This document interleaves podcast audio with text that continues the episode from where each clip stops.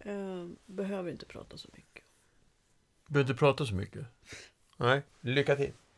Bra Silla, är du med? ja, jag ska bara kolla en sak först. Nej! Det här är avsnitt 30 av Hundens hus-podden.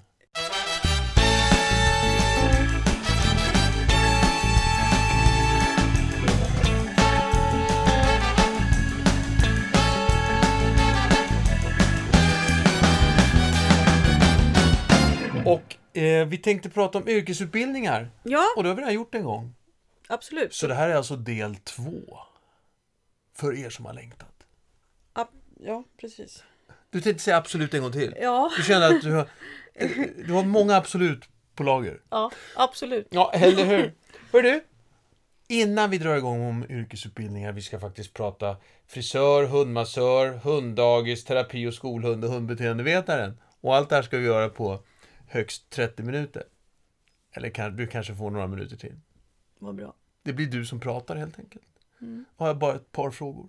Örebro! Det ska vara enkelt att ha Fantastiskt. hund. Ja, det var roligt. Det var jätteroligt och jätte... Det blir så härligt efteråt att få gå ner och möta publiken och få prata lite och svara på lite frågor och klappa hundar och sådär. Så det var Ja. jättemysigt tycker jag. Ja. Och det var många, mycket uppskattat. Och sen så får publiken också komma fram och klappa våra hundar. Det känns lite grann som på cirkus. Ja. Med, och de, eh, några går med fram och klappar på mig också. Hörru du, eh, vi kommer till Malmö 5 maj. ja. Jätteroligt, det finns en länk här under i podden.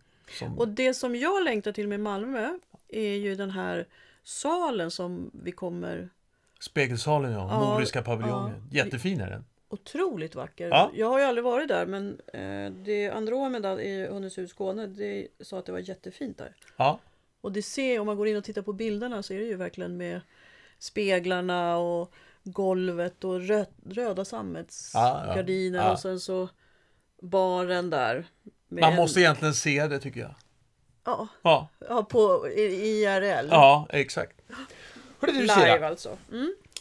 yrkesutbildningar. De här yrkesutbildningar vi pratar om nu, de finns både i Stockholm och i Göteborg. För Hundens hus det är ju ett, ett, ett, eh, ett, ett, ett utbildningscenter Mm. för både hundägare och professionella. Ja, jag höll på att säga absolut igen. ja, det är det. Ja. Och eh, eh, terapihundsutbildningen finns ju även i Sundsvall. Ja, Mm. just det. Eh, terapi och skolhund, ja. Mm. Ja, just det. Bra. Du, eh, sist då pratade vi om de här stora, lite tunga, klassiska liksom. Mm. Hundinstruktör, hundpsykologer, kanske inte klassiskt, men det är en stor utbildning, krävande utbildning. Så. Jo, den är klassisk. Den är klassisk. Ja, Det var ju Anders Hallgren som tog fram den på 90-talet tror jag. det är vad jag kallar klassiskt. Ja, verkligen. Frisörutbildning. Ja. Eh, hundfrisörutbildningen, det är ju för dig som tycker om att frisera, föna, bada, borsta, klippa och är konstnärlig av dig. För det har ju mycket, alltså att jag har ju själv klippt och trimmat för hundra år sedan känns det som, men eh, var väl Du inte... var inte riktigt konstnärlig helt Nej, jag enkelt. var- Eller för konstnärlig. Ja, Pudlarna såg ut som strävhåriga taxar efter att de hade varit hos dig. Ja, nej men det är verkligen en, en, en, en, en konst att klippa en hund. Eh, Och man pillar lite till och så ser man, och där blir det lite ojämnt och så piffar man lite till. Eh, Så man bör ha, tycker jag, ett konstnärligt sinne och tycka om det etiska och det funktionella. För en frisör jobbar ju både med att hundarna ska få det lättare eh, med sin päls, alltså man kan borsta ur och fixa till en, en, en, en hund med mycket underull. Eh, eller man hjälper till att hålla trimrasernas päls i trim. Så man, man, då dra, rycker man ju bort de döda håren ur pälsen. Ehm, och sen är det ju då det liksom att varje ras har ju en, eh, en eller flera klippningar som man går efter. Ja. Och det blir mer och mer vanligt tycker jag, vilket jag är väldigt glad för, att man eh, både som hundägare badar och borstar sin hu- hund oftare, för det behöver pälsen och huden framför allt. Men att man också lämnar in sin hund för en vardagsklippning. Eh, både stora som små raser. Jag tänker, vi gjorde ju det med hallon till exempel. Ja. Hon var ju jättefin och fräsch i sin sommarklippning. Och vi höll henne ju ganska kort över vintern också. Eh, Så att hon inte hade lång päls som släpade så. Och sen att jag inte borstar tillräckligt ofta, ja men då är det bättre att ha pälsen nerklippt så att inte Ja. hunden blir tovig. Eh, Och fler och fler raser gör det också. Liksom, så att även om man inte måste klippa sin hund så kan man göra det. Och den här känslan när hunden kommer till en. Jenny var ju hos oss i veckan och fixade till Nova. Ja. Och den här känslan när pälsen är genomborstad och eh, fönad och det luktar så gott. Och de blir som hundarna blir stolta och glada och trötta efteråt. Ja. Så hundfrisöryrket är ju eh, och ett eh,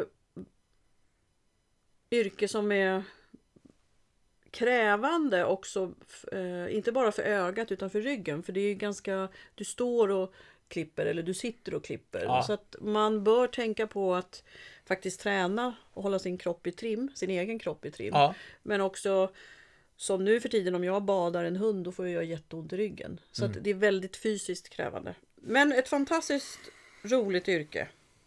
För, för de som gillar att klippa S- ja, exakt. och Sen, är etiska av sig. ja. sen, sen sa du också att, att eh, det är ett eh, bristyrke. Sa du det? Ja. Det, det, Saknas frisörer? Hundfrisörer? Ja, det saknas frisörer över, ska jag vilja säga, hela Sverige. Och det tror jag hänger ihop med framförallt att det är fler och fler som går till frisören. Ja. med sin hund. Så att eh, det är inte fult att gå och klippa sin hund om det är en bearded collie eller en tibetansk spaniel eller man har en flat. Utan man gör det för att man månar om sin hund och hunden ska ha, få en bra pälsvård. ja. Och det här gör ju att det finns brist på frisörer. Så de, de som går ut frisörutbildningen och blir certifierade, de eh, öppnar ögat, eget och har faktiskt på ganska kort tid eh, fullt med bokningar och kan leva på det, till och med heltid. Jag tycker dock att man ska tänka sig för om man jobbar bara som frisör. ja. Vill man jobba som frisör heltid då måste man tänka på sin rygg och köpa ett höj och sänkbart eh, trimbord och badkar och se till att hålla kroppen i trim. Mm. Eh, Men jag tycker att man kan kombinera frisöryrket till exempel med massör. Just det. För hundmassörer har ju funnits länge eh, och Vänta nu. Har Nu- vi släppt frisörutbildningen nu? ja, det tänkte jag. Ja, det tänkte jag fick du. ju inte prata så länge. Jo då, exakt, eller hur? men, hade du någon då- mer fråga? Nej, nej då, vi, jag tycker vi kan eh, redan då slå ett slag för att, att frisörutbildning eh, utbildning drar igång här i Stockholm. Då, då som en sommarintensiv. Ja, precis. Ja, eh, och 8-12 juli är liksom eh, första och sen så är det ett par veckor senare så är det en, en omgång till. Och sen är det en, två helger i höst. Men man kan... Man är, ja, det är en intensivkurs, så att man kan börja klippa och trimma Mm. Ja. till hösten. Och utbildningarna i Göteborg, den är full. Ja. Men de startar en i höst. Just. Okej, eh, du tyckte man kunde kombinera frisör, eh, frisöryrket, hundfrisöryrket med att vara hundmassör? Ja, för jag, jag tycker att det hänger ihop. För eh, När man är frisör så då, då kan man ju också känna om hunden är spänd eller har muskelspänningar eller är stel, behöver stretcha och sådär. Och istället då för att skicka den hunden vidare till en massör så kan man själv erbjuda den tjänsten. Ja, Och man kan ha massagekurser för husbehov. ja just det. Ehm, och som jag nämnde tidigare så har ju det funnits massörer väldigt länge. Men det har inte riktigt liksom tagit fart som en frisör eller hundpsykolog. Och, men jag tror att det kommer komma. Ja. För återigen, det handlar om det här med friskvård och hälsovård. Ehm, fler och fler går ju till massören också. eh, För att ha, liksom, ha sin hund i trim. Jag brukar rekommendera att man går till massör och eh, ja, det kan man faktiskt göra en gång per år. Eh, Men framförallt när hunden blir äldre. Ja.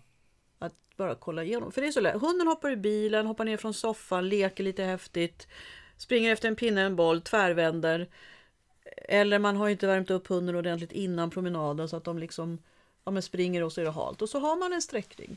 Så, att, man att, eh, går- så att om man en hundmassörutbildning så, så är man duktig på att massera hund men då kan man också känna de här spänningarna finns. Några av dem kan man, eh, k- kan man få bort själv genom mas- massagen. Men som hundmassör kan man också säga det är läge för dig att eh, eh, titta på en sån här typ av behandling eller kolla Ja, upp det här ja, för det här ja. Mm. känns inte riktigt eller så. Det känns ju inte riktigt okej. Nej. Eller ser inte okej ut i rörelseapparaten. Ja, just det.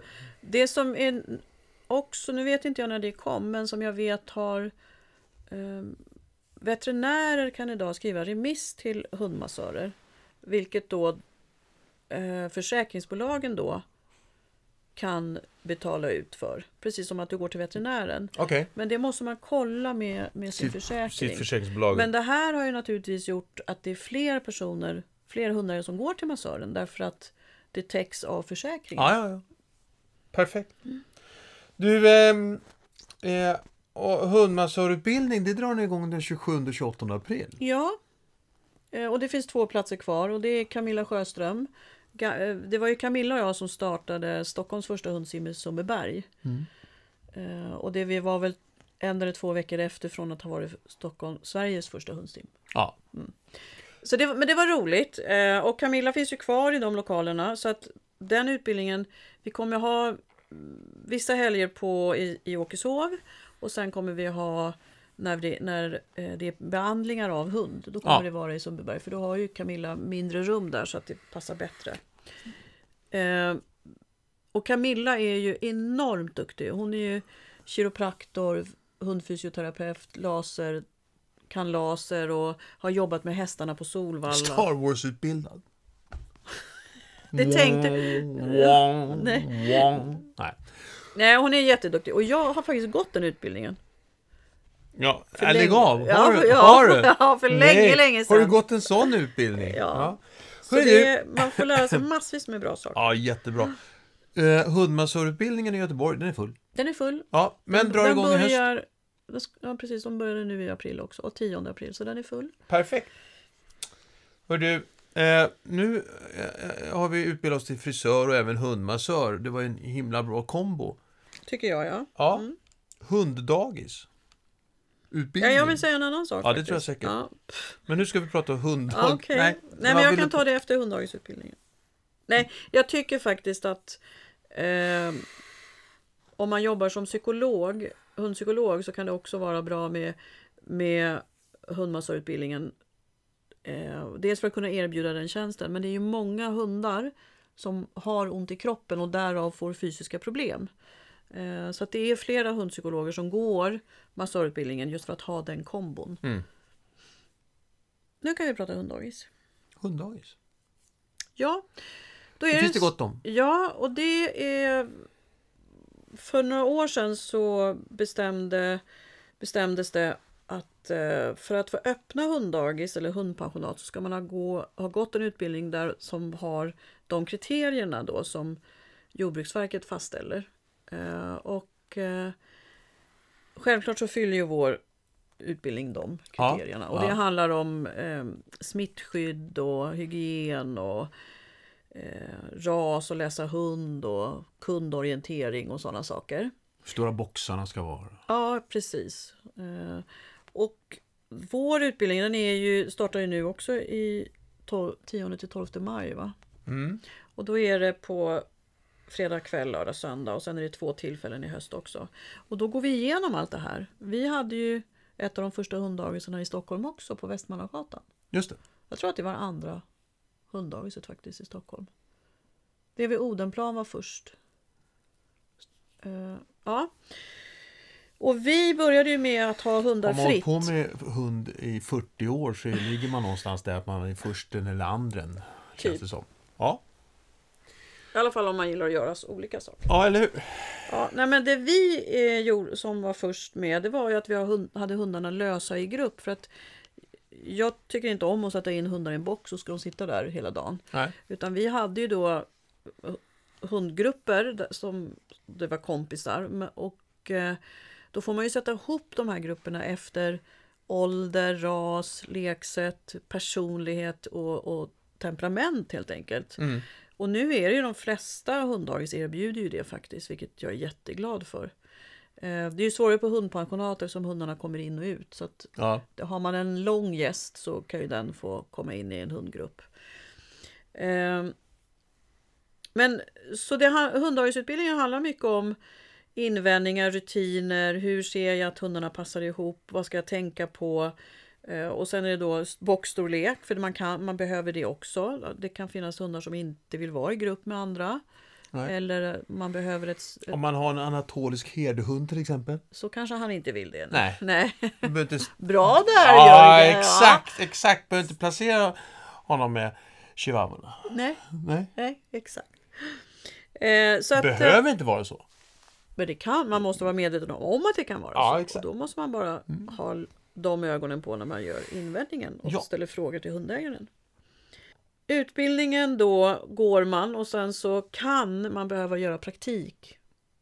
Och det bestämmer inte Hundens hus utan det bestämmer Länsstyrelsen när man söker om att öppna. Okej. Så att det brukar jag alltid be eleverna göra. Kolla, det är, inte, det är inte så att du får öppna ett hunddagis bara för att du får ett diplom utan vissa det krävs viss praktik också. Så Ja. det, det handlar ju om tidigare hunderfarenhet också. Ja, just det.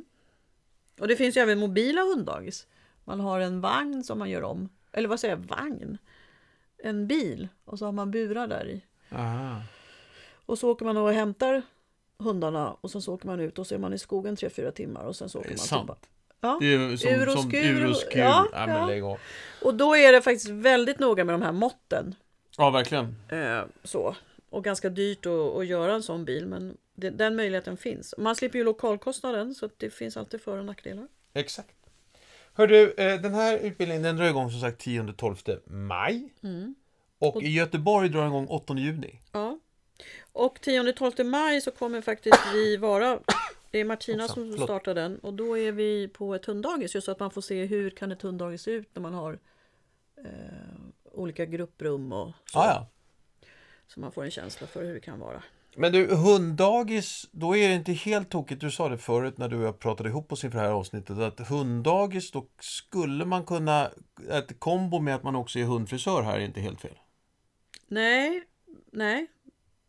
Eller hundpsykolog också. Ja, ja, Eh, ja, exakt. nej. Men, men, ja, Nej exakt. men kombon hundfrisör, alltså hunddagis med hundfrisör och eh, eh, hundpsykolog. Då har man eh, en väldigt bred kundbas från början. Och det man kan göra som frisör, vilket jag tycker är smart, som vissa gör då, det är att man, eh, man har en prenumeration på hundens vård. Ja. Så att hundarna f- liksom en gång i var sjätte vecka blir omhändertagna av frisören som också då driver hunddagiset eller om det är en personal. Ja, ja. Vilket gör att man känner ju hunden och hunden är trygg och, och sådär. Och Mm. jag som hundägare så tycker det var helt ypperligt att få veta att ja, men, var sjätte vecka så gås min hund igenom. Ja. Alltså man känner på muskler, blir friserad, badad eh, och får klorna klippta en gång i veckan eller var fjortonde dag beroende på hundens behov. Då. Så det tycker jag är en bra kombo. Därför att hunddagis är tungt. Fysiskt tungt. Eh, och där, det är jättenoga att räkna på lokalkostnaden och hur många hundar du behöver ha för att kunna driva ett hunddagis. Momsen går ju bort från din dagisavgift. Och sen när man ska ta ut lön till sig själv ska man ju alltid tänka på att det är ju det dubbla. Så att om man vill ha ut en lön på 10 000 så behöver man få in 20 000. Lite beroende på den kommunala skatten ja. om den är 27 Ja, eller 32 men det är procent. stora- Men i det stora hela. Eh, så lokalkostnaderna ska man absolut hålla nere. Eh, samtidigt som lokalen måste vara bra. Och alla hunddagis måste ju ha fönster nu. ja. Men, så, och det är tungt därför att det är mycket städning. Man går ut och går med många hundar och det kan ta ett tag innan hundarna lär sig att liksom gå i grupp och sådär. Så att det, man kan få helt enkelt slitningsskador på axlarna. Det låter som att det finns, det, det är en, det- nu utbildar inte du människomassörer, men det vore bra att ha en sån kombo där, någon, där det finns en människomassör också i- inblandad i. Ja, Camilla är det också, så hon brukar Ja, debattera mig exakt. också. Bra, kul! Så titta, och jag tänker alltid så här när det gäller hund och speciellt i början. Det tar ju ett tag innan man har byggt upp sin kundkrets. Och ju mer tjänster man kan erbjuda sin hund, Ja, desto bättre. eller är- hundägare menar du? Ja, hundägaren, desto bättre är det. Så att ha en kombination av frisör, hunddagis eller doggy walking om man inte vill Mm. ha en större lokal. Eh, eller hunddagis, butik, eh, hundpsykolog, hunddagis. Alltså desto bättre är det Ja. för att eh, För du drar ju redan dit kunderna... då- kunderna. Ja. Nu ska vi prata om ter- Sa, sa vi när dagisutbildningen började i, Ja, i det sa Göteborg? vi. I Göteborg 8 juni. Yes. Yes. Terapi och skolhund då? Ja. Det är ju vi, vi, vi, det är något annat. Ja. Eh, Nu, nu var det faktiskt så att jag startade den första. nej, var det så? Jag blev Nej. lite tveksam. Ja. men det- Ja. Jag, Lilja och Hallon var de första som började med pedagogiskt arbete på skola med Ja. utbildade hundar. Det har funnits hundar på skolan, skolor tidigare som har hjälpt och varit till stöd och sådär. Men att hundarna ingick i eh, ehm, elevhälsoteamet och att varje elev som kom till, till hundrummet hade ett åtgärdsprogram där hundarna var en av flera saker som just det barnet behövde. Ja. Ehm, Så det gjorde ju vi för 6-7 år sedan. Och idag så har ju det faktiskt, jag ska inte säga att det har exploderat, men det är jättemånga skolor som eh, har tagit till sig det här. ja. Eh, Det var ju bland annat eh, Theodora, min lilla Iris, var ju på Lilla Aktuellt Just det. eh, bara för en vecka sedan. Ja. Så det kan man kika på. ja. 6.45 in i programmet. Okej. Ja, perfekt. Ja, eh, nej men terapihund och skolhund det kom ju för kanske fem... Ja, terapi, terapihundarna kom, jag tror jag hade den första utbildningen, då var Leo liten, så 14 år sedan. 14-15 år sedan, en av de första. Eh, och då hade det ju tidigare varit Vårdhundskolan, Ingeborg Höök som tog in och började med att utbilda legitimerade sjuksköterskor. Ja.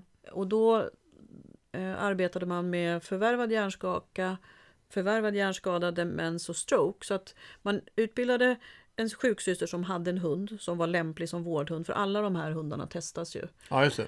Så att de är trygga och sociala och att det inte blir något fel. Ja.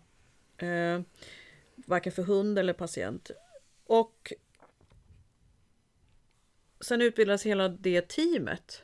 Och vårdhundarna finns ju kvar idag. Eh, men, och, då, och, då, och de är flest sjuksköterskor. Men sen har vi då arbetsterapeuter, socionomer. Om du som hundförare, hundägare vill utbilda din hund så går det bra även om man inte har en utbildning till sjuksyra eller f- lärare. Det är ju alltid bäst att ha det. Men det krävs inte. Nej. Ehm, och där är det ju ett jobb tillsammans med din hund. Så du, får ju, du går ju utbildningen med en hund och du gör ju certifieringen tillsammans med din hund. Så att det är båda som ska klara det här. Så på vår utbildning då så gör man ju både som ägare, hundförare, så gör man en tenta och sen så har man redovisning av ett fördjupningsarbete. Och hunden har ett praktiskt prov och ett samspelsprov. Får, vill du säga något? Ja, jag vill säga någonting. Eh, vi- För det är, är, det, inte- är det inte det här som SPK eh, äger någonstans? Nej. Nej. Vilka är det då? Vil, vilka vad? Som SPK har, har är det socialtjänst? Är det, s- eh, Nej, jaha, du, nej, du tänker just det, SPK. Jag vet inte om man kan säga att man, de äger, Nej. men de har fått uppdrag a- av eh, Socialstyrelsen. Och det handlar om de, eh, den andra delen av sociala tjänstehundar, det vill säga service assistanshundarna, Ah, ja, service, just det, just det, signal och just det. diabeteshundarna. Just Och nu har ju också den första smärthunden utbildats i Sverige och det är under SPKs regi. ja. Eh, så att sociala tjänstehundar, det är dels assistanshundar ja. och där är då SPK delaktig i och har uppdraget från er riksdagen. Ja. Ehm, Men den andra delen av sociala tjänstehundar, det vill säga eh, terapihund och skolhund och vårdhund. Eh, de, de är, det är fristående Ja. aktörer, Okej. företagare. Ja. Men vi har ju en branschorganisation som heter eh, SVTH, Skandinaviska vård och terapihundsförbundet, Ja. där även skolhundarna finns med. Okej. Va, va, va- vad, hade, vad, hade man, vad, har du för för, för, vad behöver man ha för förkunskaper för att, att få bli en sån här? Då? Måste man vara hundinstruktör innan dess? Nej, Nej. utan det är hu- Det kan komma både utbildade lärare och sjuksystrar, arbetsterapeuter, socionomer, Okej. psykologer, kuratorer. Eh, Det är inte ovanligt att, att man som, som förare har någon typ av den bakgrund som man, man har känt av behovet. Eller? jag skulle vilja säga 50-50. Okej. Tidigare så var det mer ovanligt. Då kanske det var två av tio som hade utbildning. Idag är det nog 50-50. Okej. Och det, jag tror att det är för att man har upptäckt behovet. De som är utbildade har Ja. upp, upptäckt behovet och ser vilken nytta man har med hunden. Ja. Det är ju som när jag jobbade på Årsta skola, då kom ju ofta kuratorn in för att studera och vara tillsammans med barnet i en annan miljö och där Ja. barnet hade samspel då med mig och med hundarna ja, just det. och fick en helt annan bild av barn och vad det barnet behövde. Perfekt! Ehm, Det här är också precis som vi, har, vi pratade, diplomathund pratade vi om. Alltså det här är sån här typisk ekipage. ekipage Ja, det- eh, Så det måste funka liksom både eh, hundförare och hunden måste jobba ihop. Ja, Jättetajt i det här. ja, precis. Det, Mm. Eh, så att det, det går liksom inte. Man kan inte få en... Hunden kan inte bara vara klar och jag som hundförare är lite halvfärdig och vice versa. Utan det här måste vara ett, ett team som funkar. Och där tillit och samspel verkligen är. Man ska aldrig tvinga in en hund i någonting. Nej, Det, det finns många som tror att ja, men man gör det på lydnad. Hunden går fram, söker kontakt, kanske lägger huvudet i knät. Mm. Men det sker inte på ly- lydnad utan det är hela tiden på hund och barnpatients villkor. ja, Eh, och det här, för mig är det jätteviktigt. ja, Att det verkligen handlar om relation. Och jag vill faktiskt berätta om det här med tilliten till sin hund. Och vad hundarna kan göra. Får jag göra det? ja. Ja. När jag, Nova och Hallon jobbade på Kulturhuset med läslust för barn så då åkte vi dit och sen så hade vi fem barn som kom från olika skolor som behövde, ja, där lärarna tyckte att det, v- det vore bra med en, en, en positiv upplevelse tillsammans med hund för att komma igång med läsningen. Så då hade jag först en samling med barnen och pratade om vad som skulle hända och sådär och så fick de dra lott, för alla ville ju börja ja. gå in till hundarna. Och då Ja. var, väntade hundarna. Det här var ju på bibliotek 10-13 så vi hade ju bara ett rum där hundarna fick vara. Eh, Men jag hade samlingen ute i biblioteket och sen så fick de dra lott och fick prata och berätta och det var så, ja, det var så himla roligt. Eh, och då så kom det in eh, en kille, han var ganska stor, hade vuxit på sig, liksom, ja, men han var väl 13 år, men stor för sin ålder. Eh, och ganska ehm, pratig och yvig till sin personlighet. Och han Ja. hade varit några år tidigare så att, ja, känner du igen mig? Tjena, tjena. Ja, men det är du, vad roligt och hej, hej. Och sen så satt vi där och han satte sig i soffan bredvid mig och Hallon kom fram och la sig hos honom och vi började prata. Och sen så sa jag så här, ja men vad vill du läsa för bok? Ja men jag har valt den här boken. Okej, vilken hund vill du läsa för? Ja men jag vill läsa för Hallon. Okej. Eh, Då reser sig Nova upp som hade legat på min andra sida på golvet. Då reser hon sig upp och går fram och jag bara, men vad, tar tag i hans, bara, vad gör du Nova? Och precis när jag känner hennes kraft, att hon, hon ville bara gå fram till den här killen, så tänkte jag så här, nej men Silla vänta nu, hon säger ju någonting. Det här är ju någonting som hon, hon vet, någonting som inte jag vet. Så jag frågar killen, men är du säker på att du vill läsa för Hallon? Ja, jo, jag vill läsa för Hallon. Okej, därför att Nova säger att du hellre vill läsa för henne. Kan det vara så eller? Och tittar han på Hallon och så tittar han på Nova och så... "Eh, Jag vill läsa, nej, jag vill läsa för Nova. Och så säger han, ja, men om du sätter det på golvet då istället och så, så kan Nova komma in och så kan ni börja läsa. Och så när han sjunker ner på golvet och tagit in och Nova ligger i knät jättemysigt och han ska precis börja läsa. Så har ju Hallon gått och lagt sig i soffan igen och kurat ihop sig och ligger och sover. Och så tittar han på Hallon och så tittar han på mig och så säger han så här, men blir inte Hallon ledsen nu då? Och då är det så att nej, hon är ju så glad för att du får läsa för Nova. Hon kan ju liksom något annat barn kommer ju läsa för henne. Men det där att det är verkligen ett samspel, samspel och hur sjutton kunde Nova veta det här? Jag hade ju missat det fullständigt. Och tänk om jag på lydnad då hade sagt nej, ligg ner. Istället för att, men hallå, det är någonting som sker här som inte jag har en aning om. Så Jag tycker väl också att det intressant, det intressanta i den där historien är väl också att, att barnet i fråga liksom faktiskt vänder sig om och tänker på hallon. Ja, Så det, det, det startar ju liksom en förmåga till, till eller är en, en förmåga till empati i det här Mm, sammanhanget. Liksom. absolut. Han ville inte göra henne ledsen. Nej. Eh, Och De var så roliga, det var det jag skulle säga också. De var lite lika i sin personlighet de här två. För Nova på den tiden, hon var ju bara två år kanske. Hon var ju väldigt yvig och stor Ja. och mycket centrerad i sig själv. Och det var ju den här killen också. Så Ja. att de var så lika, de passade verkligen ihop. så. Och det visste Nova, så Mm. det var häftigt. Jag bär med mig det mötet. Jag brukar säga att man får magiska möten. ja. Det är verkligen så. Jag får gåshud när jag tänker på det. Mm. Ja, så det är ett fantastiskt jobb om man vill jobba med människor och eh, människor eller barn eh, och även då hund tillsammans. Så det kan jag varmt rekommendera. tycker det är lite speciellt att man får gåshud när man pratar om hundar. Men jag, jag förstod också att det låter inte bra att man får ragg.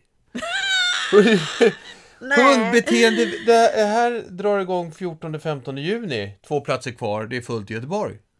Terapi och skolhund ja. Ja. ja. Och den finns ju i Sundsvall också. Ja, den finns i Sundsvall och eh, Lena startade den, jag tror det var i början på året. Hon brukar starta en per år. Men Ah, ja. då kan man mejla till lena.hundenshus.com Just det. så får man veta nästa start. Och alla de här hundarna måste genomgå en lämplighetstest. Just det. Hundbeteendevetare. Ja, det är ju en av mina favoriter. Den ehm, som... Kan du, kan du inte berätta om någon av dina eh, grejer som eh, såna här utbildningar och sådana här, som inte är din favorit? Fast nej, nej, men så här är det. Jag, det är därför jag älskar mitt jobb, för att det är så mycket och det är så roligt och jag får göra massa olika saker. Så jag... Sen har jag några som jag tycker, saker som jag tycker lite bättre om. Till exempel ett hundspråk, inlärning, barn och hund eller äldre och hund. Ehm, Ja, men det, alltså, de läsa olika och- utbildningarna har ju olika syfte såklart. ja, och sen... Och n- några så blir det lite närmre eh, i kontakten. Är det inte där du går igång? Nej. Nej. Det kanske blir närmare i kontakten för att jag redan har gått igång. Mm. Jag vet inte. Det där blir ju jättekonstigt Jörgen. Men i alla fall nu pratar vi hundbeteendevetare. Ja, en av de här eh, som du verkligen brinner för, de här utbildningarna. Ja.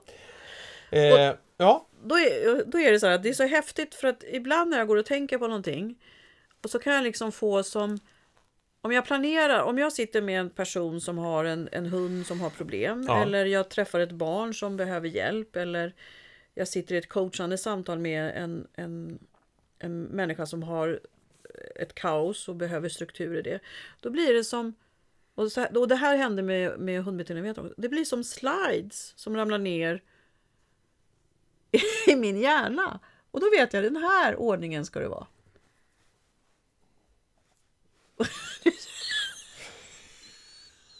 okej. Just den här, vi- Och när jag när, jobbar- när i utbildningen får man lära sig slide-delen? Det pratade jag om ganska tidigt faktiskt. för Ja, det, ja.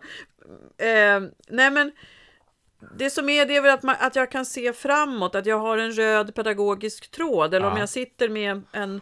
Eh, gäspar du åt mig nu? Nej, nej, nej, nej, nej, absolut inte. att jag har en röd pedagogisk tråd. För att om jag sitter med eh, en hundägare som har en hund som har problem, då kan jag säga okej, man kan göra det här och det här och det här. Och sen Ja. får man ju undersöka om det naturligtvis är lämpligt. Så det är ju inte så att det bara ramlar ner och sen så... Massa slides. Jo, det gör det, men jag får ju sortera om eller Ja, just plocka det. bort. Och Ja. då kan det ramla ner nya.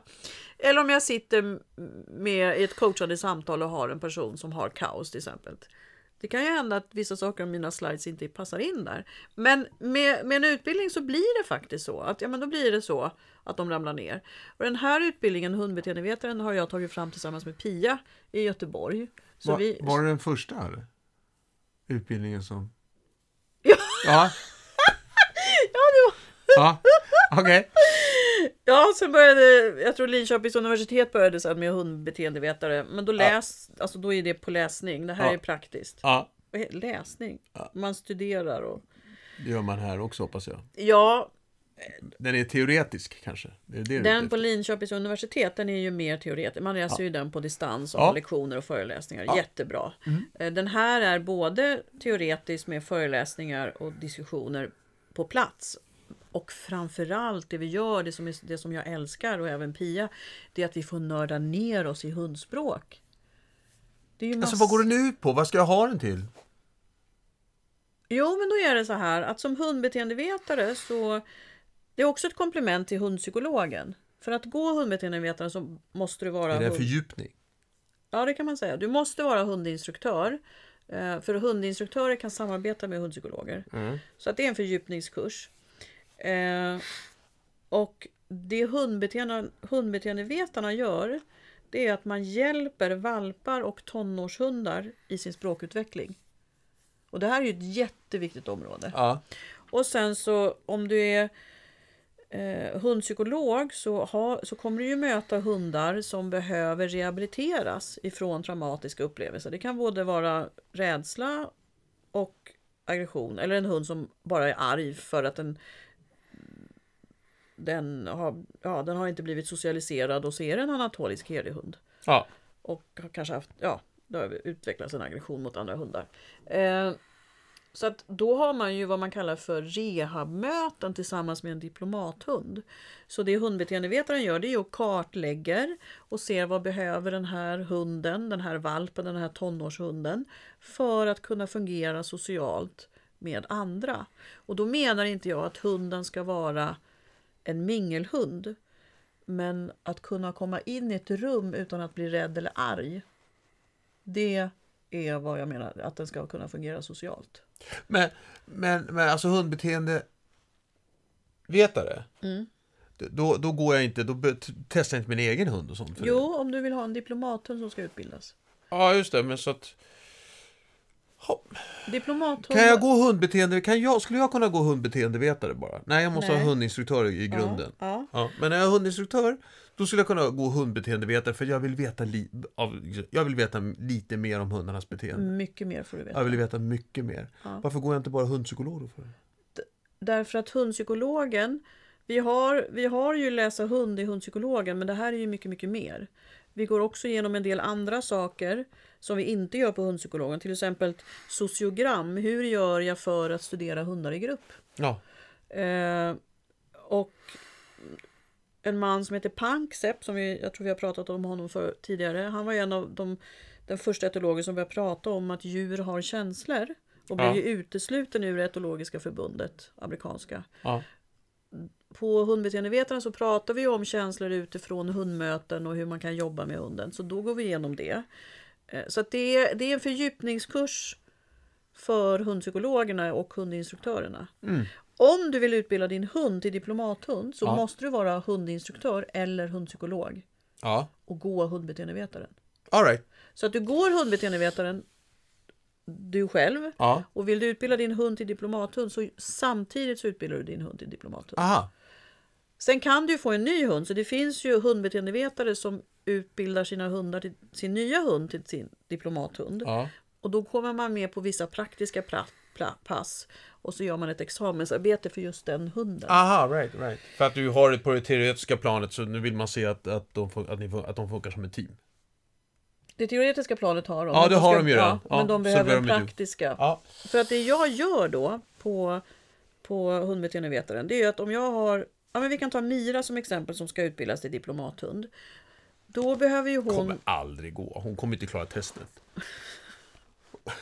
varför inte då? Nej, men hon, är- hon, hon, jag tycker hon håller på. Med dig ja. Ja, Det är tur, ja, hon kommer aldrig- kommer aldrig Och alla gå. andra också. Ja. Nej. Ja. Nej, men jag kommer börja träna henne och det jag kommer göra då det är att jag tar fram specifika hundar för att träna specifika känslor och beteenden hos henne. Där jag kan gå in och stötta och stödja henne och där jag kan få fram beteenden som jag vill ha mer av.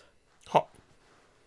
Och så gör jag med varje hund som går diplomaten. De får ett individuellt träningsprogram och så får de jobba på skolan tillsammans med mig och sen egna möten mellan träffarna på skolan. Och det är jätteroligt. Ja. Ja. Och det är och enormt utvecklande och den här teamkänslan och samspelet och allting. Ett av våra, en av våra senaste team, det är ju Maria Nilsson och Aslan. Det var ju en artikel i Sollentuna-tidningen för bara några veckor sedan om eh, Sollentunas första diplomathund. Ja. Så är du nyfiken du kära lyssnare, gå in och leta på nätet så kommer den nog att komma upp. En gång till, vad ska jag leta efter? Eh, Sol, Aslan, Sollentunas första diplomathund. Ja. Kan man säkert googla på. Och det som också är, som är häftigt, det är ju att fler och fler hundägare tar kontakt med hundpsykologer för att få hjälp med en diplomathund. Så det här är ju också ett kollegialt nätverkande. Ja. Att jag kan säga, men eh, vi har Malin och Buddha i, nu kommer inte jag ihåg var hon bor, men någonstans ner. Mot Örebro i alla fall. Ja, precis. Någon timmes bilväg från Stockholm. Du kan träffa honom. Eller jag kan be Malin och Buddha komma upp till Stockholm för att träffa några som behöver träna på en trevlig diplomathund, Ja. rottweiler som är diplomathund. Så det här blir mer och mer av. Eh, Jag glömde faktiskt säga en sak om terapi och Ja, skolhundsutbildningen. Kan vi vänta med det? Ja. Kan vi bara säga att den första, andra juni börjar den här utbildningen? Ja, just det. Ja, det är två platser kvar. Ja. Och gå antingen med eller utan sin hund. Ja. Ja. Nu, nu då? Någonting... Mm. Och, i, Mm. och, i, och Pia startar i höst va? Ja, just det. Fullt i höst. Eller fullt i vår. Mm, Vad vill du säga någonting om terapihunden? Jo, att om terapi och skolhund, man behöver ju inte gå om som eh, förare så behöver jag ju inte gå om de teoretiska kunskaperna. Likadant där ja. Nej. Ja, så att då går du med den praktiska delen med din hund Yes. helt enkelt. Så det var det jag skulle säga. Ja. Så det är same same. Som med diplomathunden. Ja. Hörru du, eh, Är vi klara med allt nu? nu har vi gjort alla yrkesutbildningar. Hur länge har jag pratat? Hörru du, Länge! ska vi säga ett par eh, ord bara igen om eh, Moriska palatset? Jag ser jättemycket fram emot det. Och det jag ser fram emot är den här fantastiska salen, spegelsalen. Mm. Och sen att få träna hund på scen. För att jag känner ju mer och mer, det är också någonting jag älskar. Ja. Men det är så himla roligt. Och de, de gör så många fina saker på scenen, hundarna. ja. Det är helt outstanding. Så det skulle jag verkligen vilja dela med dig, kära lyssnare som bor runt Skåne någonstans. Eller Ja. Mm. vill göra en fin tripp ner. Man kan Den ju här- vara i Köpenhamn på lördagen Ja. och Malm, Spegelsalen på söndagen. Ja, så har exakt. man en hel weekend. Man kan säkert göra saker i Malmö också på lördag, men, men då åka till Köpenhamn. Det är ju tråkigt, man åker ner till Malmö och drar över till Köpenhamn. Men Silla kommer ha en liten tour där, hör av er till Silla. Och sen så Nej, men- lägger hon upp ett bra program för Men er, nu vad ni ska kommer- göra. Nej, men jag kom ju på en annan sak. Jag ska ju göra på Hundens hus Skåne ska jag ju göra något på lördagen. Ja. Men Andromeda och jag har inte bestämt vad än. Nej, Så det är ju blir... ska du göra det? Det här är bra att veta om det verkligen kommer ske. Ja. Underbart. Hör du, Cecilia. Eh, 5 maj. Klockan 15.00. Ja, så kommer vi. Det finns en länk här som vi lägger. Sen kommer vi också gå ut, för du kommer behöva scenhundar, eller eh, gästhundar på Ja, scenen. precis, precis. Och vi, eh, så kolla det, vi kommer lägga ut det både i, i lite Facebookflöden såklart. Eh, men också på Hundens hus-poddens eh, Facebookflöde. Alright, Jätte. Absolut. vi säger så. Tack och hej hörni, vi hörs. Hej hej. Hej då!